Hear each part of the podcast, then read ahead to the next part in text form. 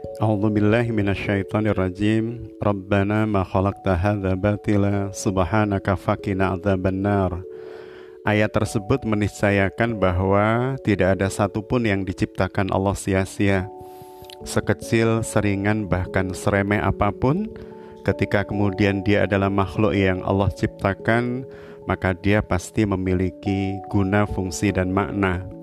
Maka sebagai seorang muslim, sebagai seorang mukmin, Tidaklah indera ini dicipta kecuali dalam rangka untuk menemukan makna-makna atas apa yang telah dihidangkan, disuguhkan oleh Allah Subhanahu wa taala di hadapan kita.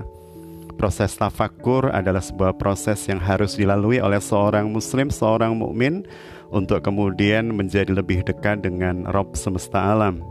Maka sahabat suara hati Mari kita tafakuri apa yang telah disuguhkan oleh Allah hari-hari ini untuk kemudian mendapatkan pelajaran hikmah dan ibrohnya. thank you